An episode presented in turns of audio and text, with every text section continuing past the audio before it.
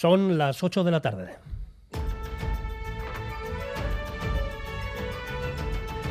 Crónica de Euskadi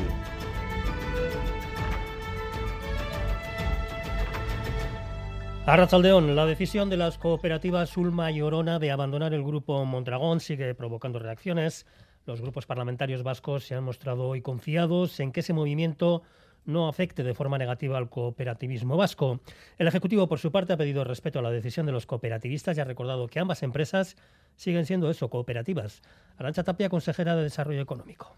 El propio grupo Ulma son nueve empresas que constituyen un grupo y no me cabe duda, ellos mismos lo han planteado, que continuarán con esos valores de cooperativismo, de solidaridad y de trabajo conjunto. Voluntad de trabajo, entiendo, con el grupo Mondragón y con el resto del ámbito industrial vasco y como gobierno nos toca colaborar y trabajar para tener un ámbito industrial fuerte. Por lo demás, a dos días de que el Tribunal Constitucional decida sobre la tramitación parlamentaria de la reforma del Código Penal, hoy ha continuado el cruce de descalificaciones entre los socios del Gobierno y el Partido Popular, con expresiones como estrategia golpista o secuestro de los votantes.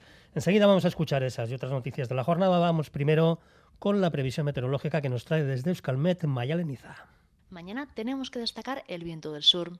Desde la mañana soplará con fuerza y se notará especialmente en Guipúzcoa y en Vizcaya.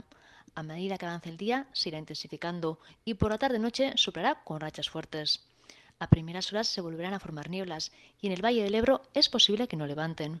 En el resto, aunque veremos nubes, el ambiente seguirá siendo soleado y con la ayuda del viento del sur, en la vertiente cantábrica las máximas subirán más aún y el ambiente será templado. Y en nuestras carreteras, sin incidencias en estos momentos, según nos informan desde el Departamento de Seguridad y el Gobierno Foral.